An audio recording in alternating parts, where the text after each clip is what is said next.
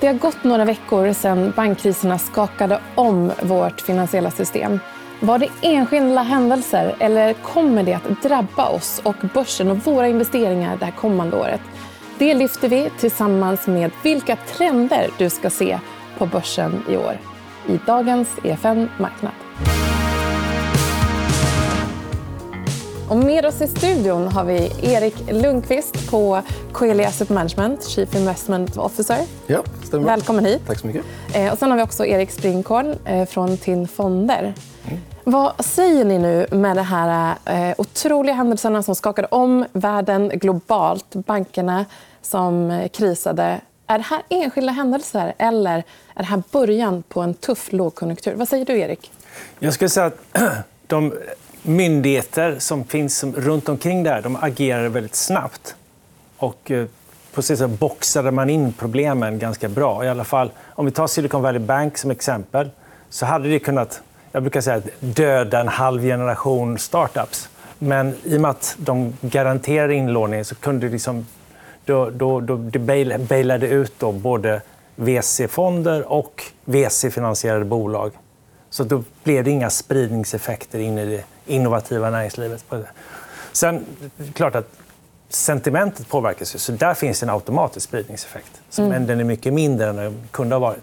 Mm, vad säger du? då? Man har gått från att kalla det bankkris till bankstress. Eh, och mycket på grund av det som Erik säger. att eh, Myndigheterna visste hur de skulle hantera det här och gjorde det snabbt och gjorde det bra. Eh, så att det marknaden är just nu är någon helt annanstans. Och det är det att hur mycket kommer att påverka konjunkturen i med den minskade utlåningen. Och det är någonting som framförallt kommer att påverka USA men faktiskt inte alls samma effekter i Europa.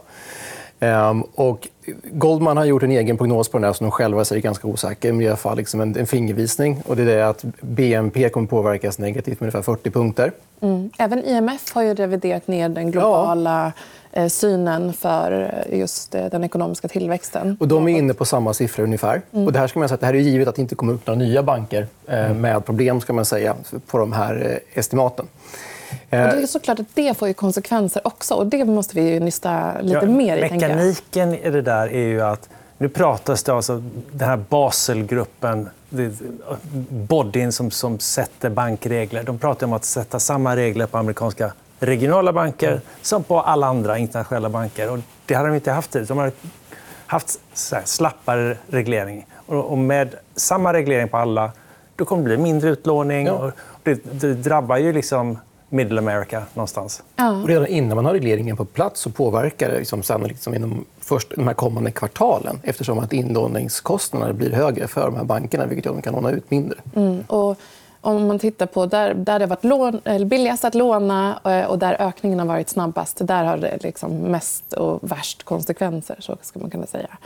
Eh, men om man då tittar på... Liksom, för det är en del som talar om att det här ändå... Man såg det nästan som ljuset i tunneln när det kommer till räntehöjningarna och inflationen. Och det visade sig vara ett tåg som kom. Ja, exakt. Man ville, man ville få lite dåliga nyheter när det kom till att ekonomin eh, var på väg att sakta ner. Och här fick man ju svar på tal. Vad säger du om eh, den liksom, synen? Är det, är det ändå, är det tillräckligt med dåliga nyheter för att få räntebanan att revideras? Då, exempelvis? Räntemarknaden och, och aktiemarknaden har ju sett på hela utvecklingen hittills i år på lite, väldigt olika sätt. som se lite sen. Men, men någonstans aktiemarknaden det är ju klassiskt att den ska alltid klättra upp för en wall of worry, alltså en orons vägg. Och det, det, det, det blev en bankstress, men det blir inte en bankkris. Och det är good enough. någonstans. Det, åh, det var dåligt, men det var inte så dåligt som vi hade fruktat. Och då kan marknaden ta ett kliv till, och ett kliv till och ett kliv till. Sen är det ju klassiskt det här att Fed brukar köra på tills någonting smäller. Mm. Då frågar man sig som du säger, är det tillräckligt stort eller är det inte det? Och då kan man säga att I och med att det inte hänt så mycket sen de här första bankerna Eh, kom så är det så att marknaden återigen börjar prisa in med någon form av mjuklandningsscenario. Även om de här eh, åtstramningarna som sker via att banken inte kommer ut lika mycket motsvarar någonstans mellan en och två eh, räntehöjningar. Mm, för det är viktigt att titta på... Man tittar på bankerna som rapporterar på börsen nu, till exempel Bank of America och Goldman Sachs och även de svenska bankerna. Så, så den initiala datan vi har fått så är det ju fortfarande det är bra resultat, men mindre handel eh, och liksom dyrare mm, utlåning, högre avsättningar till, för kreditrisker som vi ser. Mm. Ja, men det är tidigt i rapportsäsongen, men hittills så visar de banker som rapporterat att marknaden kan fokusera mer på inflation, räntor och Fed. Att det vi har sett från bankerna än så länge är tillräckligt bra. Mm. Eh, om vi då tittar på eh, liksom, räntebanan så har vi en graf här som vi kan lägga upp som visar på vad som hände mm. med eh, förväntningarna på vad räntan skulle gå. Ja, det här är alltså marknadsprissättningen på Feds nästa räntemöte som alltså är här i början på maj. Eh, och det fanns ju då förväntningar på att Fed skulle höja ännu mer än man tidigare sagt, alltså 50 punkter eller 25 punkter. Sen så fick vi den här stressen i banksystemet och eh, då sjunker förväntningarna som en sten som man kan se där. Men i och med att det har lugnat ner sig då, hittills, eller då för gott, eh, så är det så att marknaden börjar prisa tillbaka lite höjningar. Så nu har marknaden prisat in ganska exakt att Fed kommer att höja med en höjning till nu i maj och att man sen sannolikt kommer att vara still. Mm. Och det här har ju reviderats om man då tittar på den förväntan som fanns i december. Ja, men verkligen.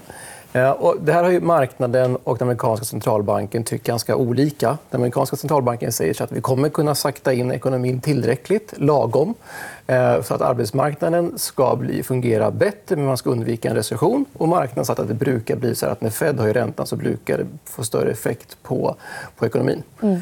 Eh, men så här ser man då på den här bilden vad som hände återigen där vid bankstressen, att det sjönk som en sten, förväntningarna. Men nu är det faktiskt så att marknaden prisar bara in ungefär en och en halv sänkning då från den förväntade toppen i maj. Men man skulle säga att här är det fortfarande osäkerheten väldigt stor vart det här kommer att ta vägen. Fed säger att vi kommer inte sänka överhuvudtaget och det krävs nog en, en rejäl avmattning i den amerikanska konjunkturen för att det ska bli sänkningar under eh, andra halvåret. Mm. Om man tittar på bankaktierna så har de gått ner med runt 20 eh, när jag tittade på i snitt då, på de amerikanska eh, bankaktierna. Eh, och du sa att det finns liksom en, en hel del som, i de initiala rapporterna som har trillat in att det, det är inte är helt eh, otryggt att investera i banker. Finns det liksom utrymme för bottenfiske där? Då, tror du? Jag tror också att anledningen till varför bankerna sjönk mycket var ju det att investerarkollektivet hade relativt stor exponering mot banken när det väl skedde. Eh, vilket jag tror att det gjorde effekten större. Mm. Eh, men så länge man undviker ett, ett, neg ett riktigt negativt konjunkturscenario så är det såklart att ifall bankerna fortsätter utvecklas svagt Eh, så är det ju, kommer det skapa investeringsmöjligheter. Tittar man bland våra förvaltare på Coeli så är det väl, har vi kanske ökat liksom någon enstaka bank redan nu men sen kanske kommer göra mer framöver. Så att vi hade nästan ingen bank innan så vi har snarare passat på och köpt lite nu under de här senaste veckorna. Mm. Eh, det finns ju också ändå någonstans en osäkerhet. Finns det några andra banker som ligger i farozonen i detta nu? Har du någon tanke om... Eh, om eh, Nej, jag, jag sitter lite grann här och önskar att vi kan sluta prata om banker och sluta prata om centralbanker och bara fokusera på bolagens vinsttillväxt.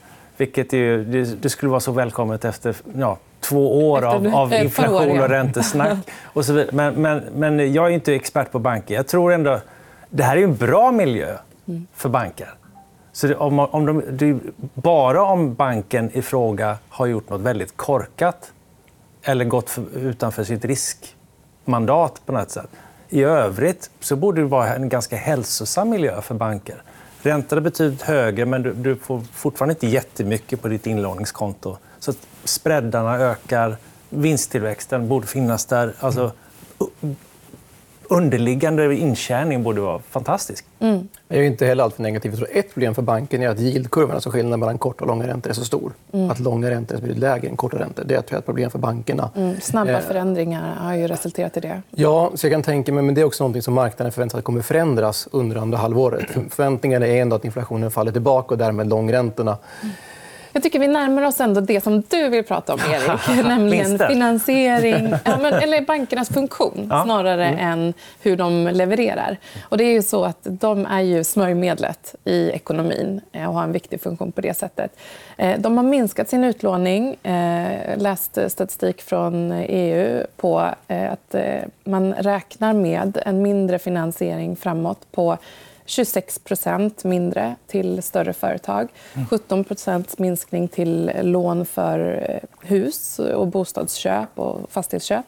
och 21% minskning i lån till privatpersoner. Och det här får ju konsekvenser. såklart. Så de här 26 procenten som reduceras i utlåning till större företag... Eh, vad, vad, vilka industrier kan drabbas, tror du? Stora, capex-tunga. Eh, bygg känns ju som en. Det har redan varit tidningsrubriker om att, att byggandet är nere på 90-talsnivåer i Sverige. Det, det, är en uppenbar... Så här, dit går väl de första tankarna egentligen. Mm. Eh, tror att menar, stora projekt som grön energi, jag tror inte Northvolt har några problem att finansiera. Det, det, det är en helt annan dynamik i det segmentet. Medan med, med traditionell capex-tung verksamhet kan man ha större problem. Mm. Sen tror jag att det kommer slå väldigt olikt. Tittar vi i USA, där vi ser de största utmaningarna med förändrad utlåning, så är det ju så att det är de mindre bankernas problem. Eh, och då är det helt enkelt de som inte har tillgång till de större bankerna. Så det är mindre bolag och framförallt bolag som inte finns då liksom runt någon storstad. Mm. Eh, och tittar man på de här regionbankerna, eller små och medelstora bankerna i USA vilka de lånar ut primärt till, så är det delvis tillväxtindustri, som Erik nämner. Alltså det som är tungt capex, men även kommersiella fastigheter som förväntas få det svårare än, än generellt. Det är svårt att mäta nedgångarna där. Det är så få transaktioner som sker än så länge. Eh, när, när är botten nådd för fastighets... Du tänker värdet? Att, ja, jag förstår ja, vad du menar. Ja, för substans, eh, vi har ju en revidering ner i mm. aktiekurserna mm. som eh, sen kan jämföras mot substansvärdet. Och det är inte högt, det är inte högt aktievärde nu i relation till substansvärde. Mm. Men... Så länge substansen är rätt. Exakt. Men vad är den rätt?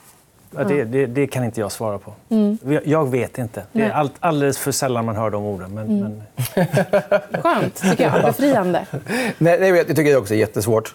Men liksom, man kan bara liksom resonera om att vi fortfarande räntehöjningar kvar. Eh, lite grann i USA, men framför allt här i Sverige och Europa. Och det tyder ju tyvärr på att, att det kanske inte botten är nådd riktigt än. Mm. Det brukar ju inte ske innan dess. Men jag har också väldigt svårt att tro substansvärden. Mm. Ja, så nedsidan i substansvärdet är avkastningskravet. Då. Eh, nedsidan i substansvärdet är också vakanser. Eh, och bolag går dåligt och inte kan hyra ut längre. Så det är väl de primära nedsidefaktorerna som går att peka på. Och så har vi den här tillfälliga refinansieringsrisken som vi kommer att se i år och, mm. och nästa Som vi har börjat se lite. Mm. Mm. Obligationsfinansieringen. Eh, men om vi då tittar på, på hur vi ser på liksom, eh, vad som kommer hända framåt. Eh, så, Erik, har du plockat med dig ett par grafer för att titta på volatiliteten ja. i räntemarknaden och ja. även aktier? Ja, räntemarknaden först. Det ser man ju. Du hade, om vi tittar på covid Eh, spiken där och sen har det varit en, en, under hela 22 egentligen i takt med oro kring inflation och, och ränteuppgångar så har volatiliteten i ja, obligationsmarknaden varit förhöjd på samma nivå som runt covid. Men om man då går vidare till aktiemarknaden så ser man något helt annat. Man har en, en, en stor topp kring, kring covid, men därefter har det varit ganska lugnt. Och någonstans är det här en story om pessimistiska räntemänniskor och optimistiska aktiemänniskor.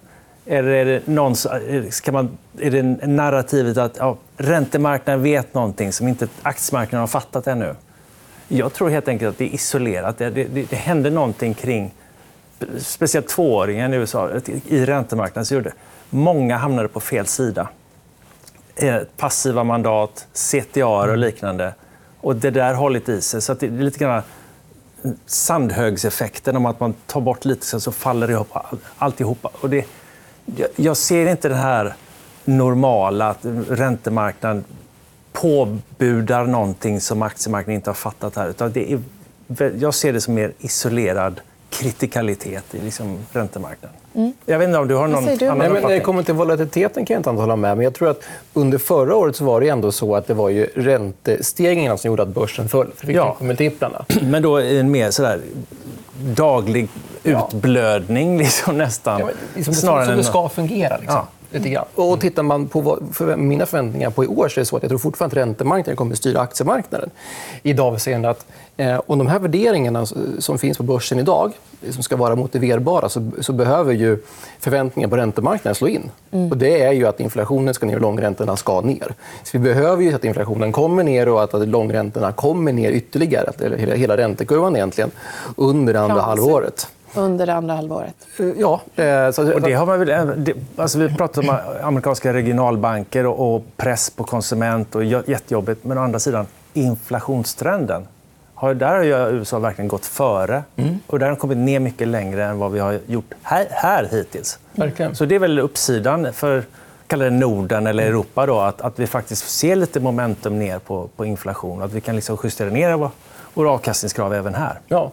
Jag läste också eh, på, om data från Syna, ett bolag som har tagit fram eh, statistik runt konkurser. Eh, och I Sverige då, så har det ökat med ungefär 31% i år jämfört med samma period förra året, i början av året, de första månaderna. Eh, det är ändå ett krasst resultat på att det är tufft. Det är tuffa mm. tider för bolagen. Eh, många bolag har ju noterats i en miljö 2021 2020 när det fanns enorma möjligheter att växa och finansiera sig. Nu så kan det ju vara så att de har det tufft. Eh, vad tror du där? Ja, men jag tror att ökningstakten är stor, ja. Fler konkurser. Men, men absoluta tal, antalet konkurser är fortfarande... Vad var det?